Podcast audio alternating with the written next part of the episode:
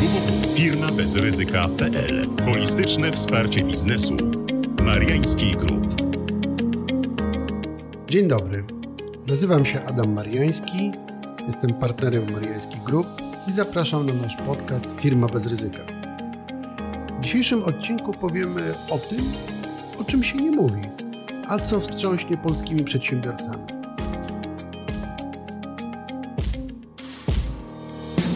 Dzisiejszymi moimi gośćmi są Monika Błońska, partner Mariański Group oraz Magdalena Olszewska, dyrektor pionu podatków. Dzień dobry. Dzień dobry. Witam Państwa. No właśnie, już wszyscy wiemy, że projekt przepisów dotyczących e, Polskiego Ładu trafił do Sejmu. Oczywiście po tak zwanych konsultacjach społecznych, tak zwanych, ponieważ to, co było podnoszone w tych konsultacjach, nie zostało zmienione, natomiast no, dodano nowe, ciekawe regulacje, o których chcemy dzisiaj e, Państwu powiedzieć. Oczywiście tych zmian jest bardzo dużo i wszystkich nie jesteśmy w stanie dzisiaj E, omówić, ale zaczniemy od tych, które rzeczywiście dla niektórych przedsiębiorców mogą być dość wstrząsające. Może w takim razie, Monika, rozpoczniemy od kwestii obrotu bezgotówkowego. Popularyzacja obrotu bezgotówkowego wydaje się, jak czyta się projekt Polskiego Ładu, mm, jednym z takich głównych celów rządzących proponuje się taką zmianę prawa przedsiębiorców, aby podmioty, które są zobowiązane do posiadania kasy fiskalnej, równocześnie były zobowiązane do umożliwienia e, zapłaty przy użyciu instrumentu płatniczego. Czyli tak naprawdę powstanie obowiązek e, umożliwienia płatności bezgotówkowych dla wszystkich, którzy posiadają kasy fiskalne.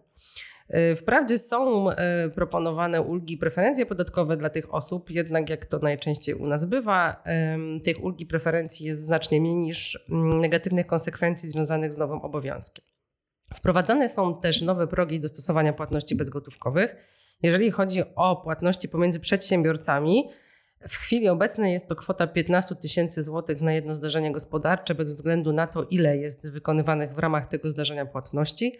Od 1 stycznia miało być to obniżone do 8 tysięcy złotych. I dodatkowo będzie wprowadzony próg rozliczeń w ramach płatności bezgotówkowych y, w rozliczeniach z konsumentami, czego do tej pory nie było. Będzie to kwota 20 tysięcy złotych, od której będzie obowiązek, aby konsument, który nabywa usługę towar od przedsiębiorcy, również rozliczał się w formie bezgotówkowej. Mm, negatywne konsekwencje w tym wypadku są nałożone na przedsiębiorcę, bo jeżeli te progi nie będą stosowane, wówczas mm, takie w przypadku rozliczeń między przedsiębiorcami to takie rozliczenie mm, nie będzie mogło być uznawane za koszt podatkowy, natomiast w przypadku nieprawidłowego rozliczenia z konsumentami będzie przypisywany dodatkowy przychód dla takiego przedsiębiorcy.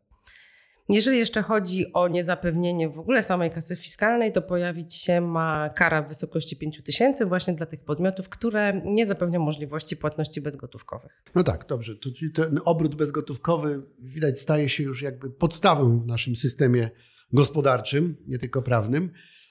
Ale jak rozumiem, oprócz tego zmiany podatkowe zmierzają do umożliwienia sprawniejszej kontroli, ale także egzekucji zobowiązań podatkowych. Tak, mają pojawić się nowe instrumenty, który, którymi będą mogły posługiwać się organy podatkowe, takie, które do tej pory nie istniały w polskim porządku prawnym. Pierwszym z nich jest tymczasowe zajęcie ruchomości. Ma, instytucja ta ma polegać y, na tym, iż w ramach kontroli funkcjonariuszy Urzędu Celno-Skarbowego. Mm, tacy funkcjonariusze, jeżeli nabędą wiedzę przez sprawdzenie tego w systemie, iż dana osoba e, posiada zobowiązanie wobec Urzędu Skarbowego mm, wraz z jakimiś odsetkami, innymi opłatami i tak dalej powyżej 10 tysięcy, czyli kwota dość znikoma, to wówczas mają prawo do zabezpieczenia majątku, który znajduje się przy tej osobie, zabezpieczenia majątku ruchomego na 4 dni. I w tym momencie jest natychmiastowe zajęcie takiej ruchomości do 96 godzin. Spisywany jest specjalny protokół i to nie jest tak, że po tych czterech dniach ta ruchomość do nas wraca, czyli na przykład w ramach jakiegoś tam zatrzymania na drodze, na przykład zatrzymywany, e, zajmowany jest samochód, tylko wówczas po tych czterech dniach e, może być e, zamienione to zajęcie tymczasowe na zajęcie egzekucyjne. Więc tak naprawdę mm, powoduje to, iż bardzo szybko te egzekucje mogą być, mogą być prowadzone. Obawiamy się również, że to tymczasowe zajęcie ruchomości może być wykorzystywane poprzez zajmowanie na przykład sprzętu w firmie, poprzez zajmowanie dokumentacji w ramach postępowań egzekucyjnych. Czyli de facto uniemożliwić może prowadzenie bieżącej działalności. Tak, no na pewno może utrudnić. Kolejną instytucją jest y, tak zwany zakup sprawdzający czy zakup kontrolowany. Jest to również nowość. Ma ona polegać na tym, iż y, funkcjonariusz E, organu podatkowego mm, w ramach takiego sztucznego nabycia usług bądź towaru będzie sprawdzał, czy dany przedsiębiorca się prawidłowo wywiązuje ze swoich obowiązków w zakresie rejestrowania, sprzedaży, wydawania paragonu. Czyli nie, nie dość, że na koszt podatników będzie mógł inspektor pójść do fryzjera i zakupić taką usługę, to potem jeszcze może dokonać takiej czynności sprawdzającej uczciwość nawet mówiącej, że nie, nie, proszę nie ewidencjonować tego na kasie, tutaj zapłacę, prawda? I to będzie podstawa do tego, żeby stwierdzić, że nie jest ewidencjonowane na kasie fiskalnej, czyli nie ma prawidłowych rozliczeń podatkowych. Tak, takie prowokacje są możliwe.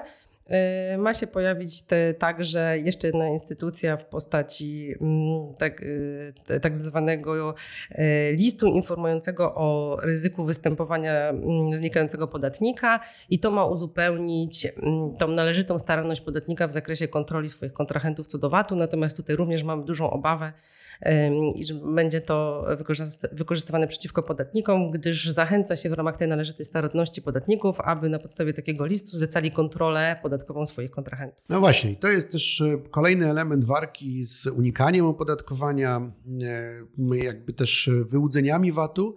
No ale pojawia nam się również instrument walki z tak zwaną szarą strefą, czyli z płaceniem pod stołem pracownikom. Tutaj nasz projektodawca również przewiduje nowe rozwiązania. Tak, w ramach nowych y, rozwiązań ma być nałożenie wszelkich negatywnych konsekwencji e, związanych z wpłatą całości bądź części wynagrodzenia pod stołem na pracodawcę. W chwili obecnej to jest y, trochę tak, że te negatywne konsekwencje dzielą się na pracownika i na pracodawcę, czy na przykład pracownik, który otrzymuje wynagrodzenie pod stołem musi potem e, zapłacić podatek od niego. Po zmianach w Polskim Ładzie wszelkie obowiązki negatywne będą przerzucone na pracodawcę, czyli zapłaty tego wynagrodzenia w sposób legalny, zapłaty składek i e, zapłacone tak wynagrodzenia i składki nie będą uznawane za koszty uzyskania przychodu, a dodatkowym, dodatkową sankcją na takiego pracodawcę ma być sztuczne przypisanie mu dodatkowego mm, wynagrodzenia, tak naprawdę niezapłaconego. To jest taka kara w postaci przypisania mu przychodu w wysokości równowartości minimalnego wynagrodzenia za pracę, które w 2022 roku prognozowane prognozowane jest na kwotę 3010 zł brutto. Czyli to jest taka kolejna zachęta do noszenia. Donieś pracowniku, że dostałeś pod stołem, to tobie nic nie grozi, a twój pracodawca, który być może zwolnił cię dyscyplinarnie w zeszłym tygodniu, bo też taka sytuacja może mieć miejsce, dostanie nie tylko wymiar podatkowy, ale jeszcze dodatkowe sankcje związane z tym, że płacił ci pod stołem. To też jest kwestia ciekawa, dowodowa, kto będzie dowodził, czy taka wypłata tak naprawdę miała miejsce i komu organy podatkowe uwierzą, pracownikowi czy pracodawcy, który powie, że nie płacił podstawy. No ale to jest jedna z ciekawostek tych zmian, bo tych zmian jest e, sporo. E, także trzeba będzie udowadniać e, podmioty powiązane chociażby poprzez wykazanie stałego pożycia pozamałżeńskiego. To też jest ciekawe, jak to organ podatkowy będzie dowodził. Chyba nie przez zakup kontrolowany, no ale to już jakby pozostawiam e, przyszłości, jak to się ukształtuje. Proszę Państwa, oczywiście tych, wśród tych zmian, które mm, może zaskoczą, trzeba powiedzieć także o składce zdrowotnej, e, no bo to, o tym już dyskutujemy od kilku miesięcy, no ale w projekcie, który został skierowany do Sejmu, mamy jednak pewne zmiany.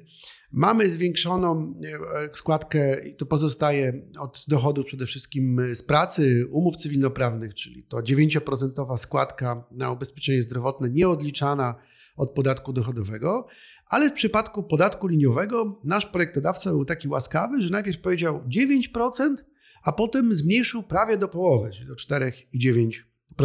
Nie wiem, jak była ta połowa liczona, ja trochę mi inaczej wychodzi. Chociaż wszyscy liczyli na 3%, prawda, w pewnym momencie. No ale może to jeszcze w ramach prac sejmowych też będzie tak, że nasz łaskawy ustawodawca nam jeszcze zmniejszy to obciążenie. Niemniej podatek liniowy, ten opłacalny, w miarę niski, nie najniższy, 19%, no, staje się powoli mniej atrakcyjny w stosunku do innych państw, gdzie te podatki liniowe są na poziomie nawet 15%. Także, proszę Państwa, te zmiany oznaczają, że staje się dla osób samozatrudnionych bardziej opłacalny ryczałt ewidencjonowany. Tam co prawda nie rozlicza się kosztów podatkowych, ale stawki ryczałtu mm, dla niektórych grup zawodowych maleją, na przykład z zakresu ochrony zdrowia, informatyków, inżynierów, a składka na ubezpieczenie zdrowotne będzie zryczałtowana w zależności od wysokości przychodu 300, 600 czy 900 zł tam przeciętnego wynagrodzenia, więc to tak w przybliżeniu podajemy. To oznacza de facto, że mm, to, co miało być zlikwidowane czy zmniejszone, klin podatkowy między osobami na umowach o pracę, a samozatrudnionych, zamiast zmniejszyć się, to się zwiększy. Czyli zamiast być bardziej sprawiedliwie, to będzie mniej sprawiedliwie. Oczywiście od początku w założeniach tej ustawy wiadomo było, że tu o żadną sprawiedliwość nie chodzi. Inną sprawiedliwość niż sprawiedliwość polityków, bo ze sprawiedliwością podatkową czy społeczną to nie miało nic wspólnego. No ale teraz to ewidentnie pomaga się tym, którzy są samozatrudnieni i wypycha się jakby naturalnie z umów o pracę bo lekarzowi dzisiaj się nie opłaca być na umowie o pracę, tylko bardziej na kontrakcie, właśnie rozliczanym w ramach przychodu ewidencjonowanego. Także te składki, o tym też mówimy, należy mm, uwzględniać w ramach prowadzenia biznesu i tego, w jaki sposób e, będą one wpływały na koszty prowadzenia biznesu, bo to jest dość e, istotne. No i właśnie te koszty. E, w przypadku polskich firm rodzinnych to nie tylko składka na ubezpieczenie zdrowotne, ale także takie bardziej mm, tajemne, Pani Magdo, kwestie, jak na przykład ukryta dywidenda. Co to jest w ogóle ta ukryta dywidenda? No właśnie, słyszymy ostatnio pojęcie ukryta dywidenda. Ministerstwo Finansów zdecydowało się walczyć z wypłatami między wspólnikiem a, a podatnikiem, czy między wspólnikiem bezpośrednim lub pośrednim, bo to nie musi być koniecznie bezpośredni wspólnik, ale może być kilka stopni powyżej. Ministerstwo Finansów uważa, że tak naprawdę wypłaty, które są między właśnie takim wspólnikiem a podatnikiem, no to bardzo często są to tak zwane no, puste tak, wypłaty, które de facto są wypłatą jako takie dywidendy. A wiadomo, że dywidenda jest opodatkowana 19% w przypadku osób fizycznych. W związku z tym wprowadzono zapis, który, proszę Państwa, jest dosyć enigmatycznie sformułowany. To jest dosyć ogólny, ciężki do zinterpretowania przepis, który, żeby nie pewne wyjaśnienia w uzasadnieniu e, projektu ustawy czy konferencji ministerstwa, to tak naprawdę nikt nie wiedziałby o co chodzi. Ja już teraz nie będę czytała tego przepisu dokładnie, natomiast z tego, co słyszymy, to, to um, ma on się odnosić przykładowo i zaznaczam, że to jest przykładowy katalog, to nie jest katalog e, jakby zamknięty, do y, płatności niezwiązanych z prowadzoną działalnością gospodarczą, chociaż takowe zawsze były wyłączone z kosztów podatkowych, do transakcji o nierynkowym charakterze, do nadmiernego zadłużenia podatnika z różnych tytułów względem podmiotów powiązanych z grupy kapitałowej, chociaż te już są limitowane, czy też do użytkowania przez podatnika składników majątku należących do wspólnika lub podmiotów powiązanych, które pierwotnie należały do tego podatnika. Czyli e, w szczególności obejmie to na przykład różnego rodzaju e, płatności za najem, tak? różnego rodzaju lokali nieruchomości. To właśnie się z konferencji prasowej dowiedzieliśmy, że chodzi o to, że jeżeli wspólnik spółki mm, kapitałowej czy komandytowej wynajmuje jej halę produkcyjną, to ten koszt wynajmu nie będzie kosztem podatkowym w spółce e, wynajmującej, co jest dość przedziwną strukturą, bo wynajmujący płaci swój podatek dochodowy, no to po drugiej stronie powinno być to kosztem podatkowym. E, ale także wydaje się, że chodzi tutaj o świadczenie różnego rodzaju usług na rzecz tych podmiotów, przez wspólników, choćby kontraktów menedżerskich Dokładnie. czy podobnych tego typu. Dokładnie. Fiskus bardzo nie lubi usług między podmiotami powiązanymi, usług niematerialnych, tak? Chociaż te usługi niematerialne, one od wieków, wieki wieków już zawsze były um, namierzane przez organy podatkowe. No, no ale sobie nie radzą rok, chyba z tym, tak? Tak, z roku na rok coraz bardziej nam się pętla na szyi zaciśnia. Niedługo nie, w ogóle nie będzie można świadczyć żadnych usług, chociaż nie wiem, jak biznes by działał bez takich usług. No ale cóż, przepis mamy, jaki mamy uderzy on praktycznie we wszystkich, tak? Czy w spółki holdingowe, czy w przedsiębiorstwa rodzinne, firmy rodzinne.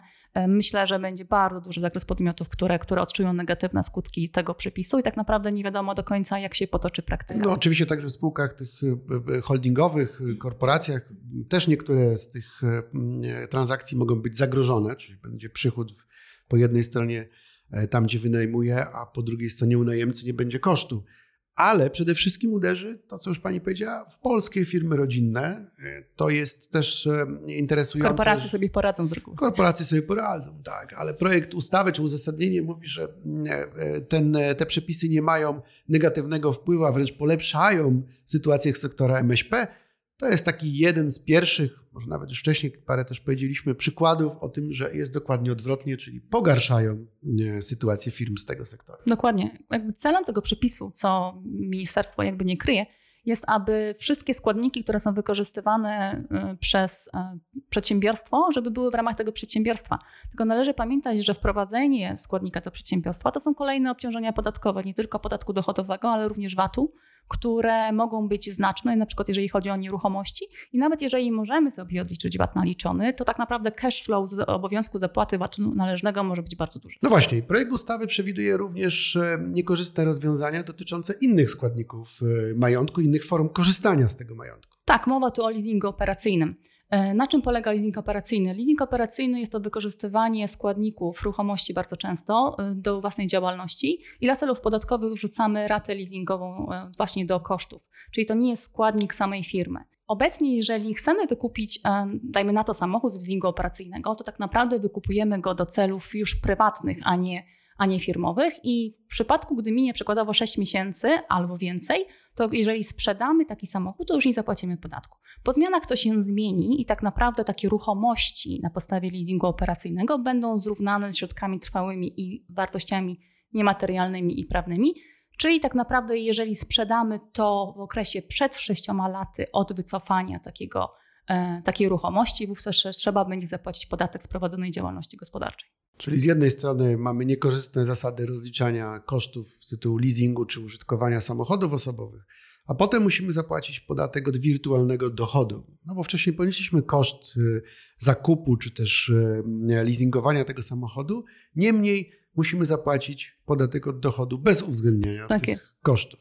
No ale rozumiem, że te zmiany nie dotyczą tylko samochodów e, osobowych e, czy też e, samego leasingu, ale mamy szereg również niekorzystnych zmian dotyczących e, nieruchomości. Tak, i są to tak zwane, i ta, te zmiany dotyczące leasingu i zmiany, o których za chwileczkę powiem, są to tak zwane zmiany uszczelniające, tak, czyli e, Ministerstwo O, to Finansów... ostatnio uzupeł... ulubione zdanie Ministerstwa Finansów. Ministerstwo, Uszczelnić tak. system podatkowy, bo wszyscy gdzieś kombinują i oszukują. Tak, widocznie system podatkowy ma bardzo wiele dziur, chociaż wydawało się każdemu, że już nie, ale widocznie no jakby tych dziur e, jest dużo, dużo więcej według Ministerstwa Finansów, więc co roku jest jakaś okazja do uszczelnienia.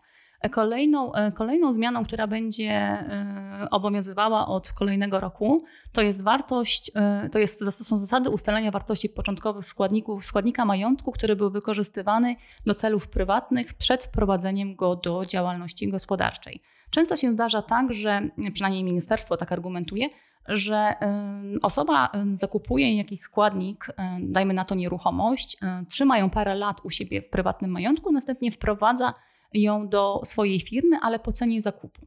E, Ministerstwo Finansów chce ukrócić sytuacje, w których wartość rynkowa taki, taki, takiego składnika spada, ale mimo wszystko podatnik wprowadza to właśnie po tej cenie zakupu. W związku z tym proponuje się zapis, który mówi, że tak naprawdę ta cena zakupu nie może być niższa od wartości rynkowej. I to jest bardzo jakby popularny zapis, e, przewijający się non-stop w różnych sytuacjach w ustawach podatkowych, że coś nie może być niższe od wartości rynkowej. Ale to chyba i tak jest e, niezbyt daleko idąca zmiana w porównaniu do braku możliwości amortyzacji? Tak, lokali mieszkalnych. Niestety od nowego roku nie będzie można już dokonywać amortyzacji lokali mieszkalnych. E, ministerstwo stoi na stanowisku, że lokale mieszkalne mają bardzo dużo preferencji podatkowych, między innymi sprzedaż lokali mieszkalnych po pięciu latach jest nieopodatkowana. E, przed tym okresem, jeżeli sprzedajemy, możemy wykorzystać ulgę mieszkaniową, w związku z tym no, już więcej preferencji nie trzeba. Tak? Czyli jeżeli będziemy wykorzystywać, jeżeli przedsiębiorca, podatnik będzie wykorzystywał lokale mieszkalne dla celów działalności, to niestety odpisy amortyzacyjne nie będą już kosztem podatkowym. No i zmiany także są niekorzystne dla spółek nieruchomościowych, chociaż nie do końca jest jasne, która spółka tak. jest spółką nieruchomościową. Tak, no spółki nieruchomościowe są, są bardzo biedne u nas w Polsce, jeżeli chodzi o przepisy podatkowe. A ministerstwo uważa, że są bardzo bogate. Natomiast problem jest taki, że nie każdy wie, czy jest tą spółką nieruchomościową, czy nie jest. I to nie jest takie wcale proste do e, do stwierdzenia, dlatego że mm, przepisy są napisane jak są, one zawsze są pisane bardzo szybko, więc tak naprawdę prawidłowe zinterpretowanie przepisu, no to wymaga czasami geniusza. Brak praktyki podatkowej, widocznie przedsiębiorcy boją się jeszcze pytać o pewne rzeczy, sprawia, że tak naprawdę nie do końca jakby podatnicy wiedzą, mają pewność, czy są spółką nieruchomościową, czy nie są. A co jeszcze do spółek nieruchomościowych zmienia się od kolejnego roku? Mianowicie spółki nieruchomościowe, jeżeli będą dokonywały odpisów amortyzacyjnych od nieruchomości, będą mogły zaliczać do kosztów uzyskania przychodów tylko takie tak, y, odpisy amortyzacyjne tylko w takiej wysokości, w jakiej on, są one ustalone dla celów rachunkowych. Inaczej mówiąc, według przepisów o rachunkowości jest na przykład stawka 2,5%, podatkowo amortyzowaliśmy 10%, bo był to budynek używany.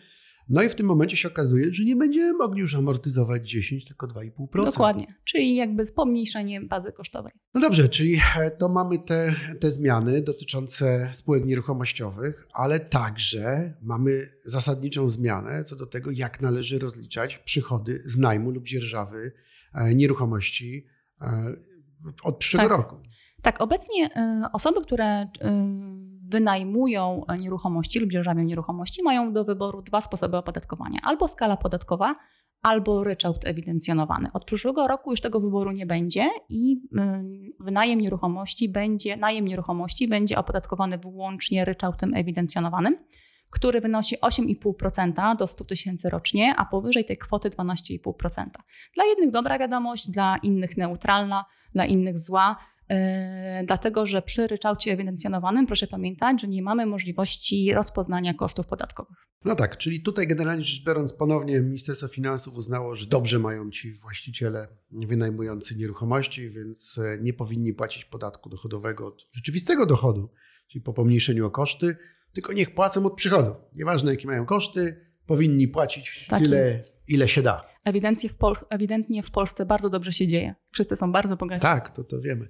Natomiast generalnie rzecz biorąc, te zmiany oczywiście dotyczą wybranej grupy mm, przedsiębiorców. Jednak e, kolejna kwestia, która e, jest istotna do rozważenia, to zmiany dotyczące restrukturyzacji. Otóż do tej pory mieliśmy wiele przepisów, które nam e, wskazywały, wiele przepisów, które nam wskazywały, na e, możliwość restrukturyzowania w neutralny sposób e, różnych form działalności gospodarczej. Od przyszłego roku jednak może się okazać, że jak ktoś popełni błąd i się zrestrukturyzuje nieprawidłowo, nieprzemyślanie, to druga restrukturyzacja dla niego będzie już no, niosła za sobą konsekwencje podatkowe. Tak, niestety tutaj mm, będzie bardzo duże ograniczenie z możliwości korzystania z, z neutralności podatkowej, która do tej pory dotyczyła tak naprawdę większości restrukturyzacji, które wykonywaliśmy. E, natomiast e, Ministerstwo Finansów chce mm, jakby dążyć do ograniczenia ten, e, tej neutralności. Nawet wskazane jest, że tylko pierwsza wymiana udziału, włączenie lub podział mógłby z niej korzystać. Więc tak naprawdę jest no tak jak powiedział profesor, czyli ktoś, kto wykona jakieś działania po raz pierwszy, już za drugim razem może, po, może to zrobić, natomiast poniesie negatywne konsekwencje podatkowe. I nie dotyczy to tylko jakichś e, dużych mm, restrukturyzacji, czy jakichś dużych połączeń, dużych podziałów. Będzie to dotyczyło każdej restrukturyzacji. Tutaj nie ma żadnej, e, żadnego e, limitowania co do wielkości transakcji bądź co do wielkości podmiotu. Co więcej, ograniczenia będą dotyczyć również aportów do spółek i również aportów przedsiębiorstw i zorganizowanych części przedsiębiorstw. Obecnie e, przychody takie są zwolnione z podatku dochodowego mm, przed osób fizycznych i to zwolnienie również ma być ograniczone co powoduje, że jeżeli nie zostaną spełnione mm, warunki wskazane w przepisach Polskiego Ładu, jeżeli wejdą one w życie w takim kształcie, to tak naprawdę każde kolejne zmiany bądź zmiany bez uwzględnienia mm, nowych przepisów będą się wiązały dla takiego podmiotu z negatywnymi konsekwencjami podatkowymi. Czyli jak robić teraz, a dobrze.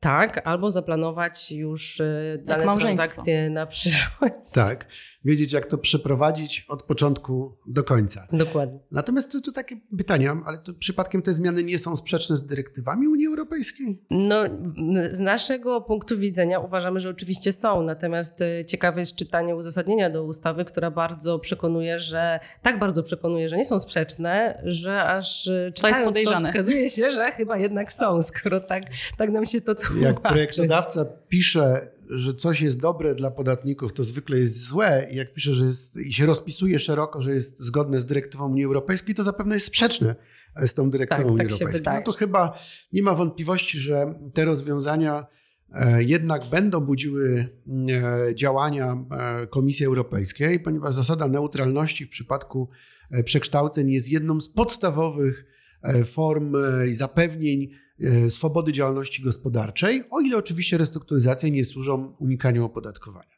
Ale tak naprawdę to są bomby, ale bomba się pojawiła największa w projekcie tuż z, przed skierowaniem do Sejmu, ponieważ e, ustawodawca zaproponował według konferencji prasowej podatek od wielkich korporacji, a za chwilę Państwu powiemy, że ten podatek dotyczy wszystkich polskich firm, czyli minimalny podatek dochodowy, po prostu zwany podatkiem przychodowym. E, Ustawodawca uznał, że firmy, które ponoszą straty na zyskach operacyjnych albo które mają rentowność mniejszą niż 1%, będą płaciły podatek od przychodu, czyli bez uwzględnienia kosztów podatkowych. To nieważne, czy są w restrukturyzacji, nieważne, czy jest pandemia i mamy gwałtowny spadek sprzedaży w sklepach na przykład, to ważne, że nie ma tej rentowności muszą dalej płacić podatek. Ten podatek będzie co najmniej e, 0,4% od osi- osiąganych przychodów, ale także jeszcze dodatkowo 10% nadmiarowych płatności biernych, takich, które ustawodawca uzna, że no, nie powinny być e, zaliczane jako standardowe e, koszty e, działalności gospodarczej, czyli może być e, nawet w granicach e, 1% przychodów ten podatek wymierzany. Ale okazało się, że ponad 300 spółek Skarbu Państwa ma takie e, problemy, ponieważ e, albo się restrukturyzują, albo właśnie jest problem z pandemią i one też muszą e, płacić e, podatek przychodowy. Dlatego kilka dni temu ustawodawca, czy właściwie projektodawca przyjął, czyli rząd przyjął w nocy poprawkę, że nie będzie to dotyczyło spółek Skarbu Państwa. No bo państwowy, jak nie płaci, to znaczy, że rzeczywiście ma problemy. A prywatny, jak nie płaci, no to pewno zmierza do jakiegoś e, unikania e, opodatkowania. No, to jest chyba najlepszy obraz tego, tego, jaką mamy sprawiedliwość, jeżeli chodzi o prawo podatkowe. A tylko pytanie, czy to nie jest jakaś forma niedozwolonej pomocy, jeżeli coś takiego jakby udostępniane jest wybranym tylko podatnikom. pewno będzie mogło być to przedmiotem y, badania przez Komisję Europejską, czy rzeczywiście taka sytuacja będzie e, naruszała właśnie e, dozwoloną pomoc. No, a poza tym, no, gdyby ktoś się jeszcze przejmował konstytucją, to niewątpliwie narusza zasadę równości wobec prawa. No ale to chyba już dawno zapomnieliśmy o prawach nabytych, o powszechności opodatkowania, równości wobec prawa, e, e, zwłaszcza w prawie podatkowym. Więc no, tutaj raczej na interwencję Trybunału Konstytucyjnego bym nie liczył, zwłaszcza, że ochrona ma dotyczyć spółek Skarbu Państwa. No i proszę Państwa, ciekawostka. E, Na początek e, w, w, tym roku, od 1 stycznia, rozszerzono możliwości stosowania karty podatkowej, a ustawodawca postanowił, że Że właśnie, że nastąpi koniec karty podatkowej. E, Koniec karty podatkowej nastąpi dla tych osób, które chciałyby potencjalnie z niej skorzystać z nowego roku, czyli już nie będzie można. Natomiast te osoby, które obecnie są na karcie podatkowej, one oczywiście ben, póki co będą mogły na niej pozostać. Natomiast jeżeli em, będą chciały mieć przerwę, tak, czyli na przykład będą chciały zmienić sposób opodatkowania, a później wrócić do karty podatkowej, no to już niestety nie będzie możliwe. Czyli dajemy na początek roku zachętę, a pod koniec roku informujemy, że no jak się nie załapiesz w tym roku na kartę podatkową, czyli najprostszy sposób rozliczenia działalności osób fizycznych, który istnieje od czasów jeszcze komunistycznych, bo wtedy właśnie karty podatkowe i ryczałty się pojawiły Kończy w tej małej pewna era. Więc e, tak naprawdę się okazuje, że no teraz rzeczywiście mamy e, takie nowe państwo, które się odcina od czasów komunistycznych. Szkoda, że odcina się akurat od tych rozwiązań, które są dobre, zwłaszcza dla mikroprzedsiębiorców. I proszę Państwa, to są generalnie rzecz biorąc e, takie minimalne zakresy zmian, które chcieliśmy dzisiaj przedstawić, bo rzecz jasna w, ty, w kolejnych, pod, wcześniejszych, a także w kolejnych podcastach prezentowaliśmy i będziemy prezentować wybrane rodzaje e, zmian, e, rodzaje przepisów, które mają wejść w życie w przyszłym roku. Zwracam zwłaszcza uwagę na te podcasty, które będą dotyczyły formy prowadzenia działalności gospodarczej, czy też możliwej restrukturyzacji. Także w tym kontekście, że jak słyszeliśmy, e, restrukturyzacja musi być przeprowadzona raz i dobrze. Do tej pory często można powiedzieć, sprzątaliśmy po takich nieudanych restrukturyzacjach, ale od przyszłego roku może być to bardzo kosztowne, bo będzie trzeba zapłacić podatki dochodowe e, tylko dlatego, że ktoś nie przemyślał, w jaki sposób tą restrukturyzację przeprowadzić. A restrukturyzacje są niejako wymuszone także zmianą innych przepisów, przede wszystkim wzrostem podatków dla przedsiębiorców. Dziękujemy Państwu za dzisiejsze nasze spotkanie. Zachęcamy do mm, słuchania kolejnych naszych podcastów Firma bez ryzyka. Dziękuję pani mecenas Monice Błońskiej oraz pani mecenas Magdalenie Olszewskiej za dzisiejsze spotkanie. Dziękujemy. Dziękujemy bardzo. i do usłyszenia. Do Do usłyszenia.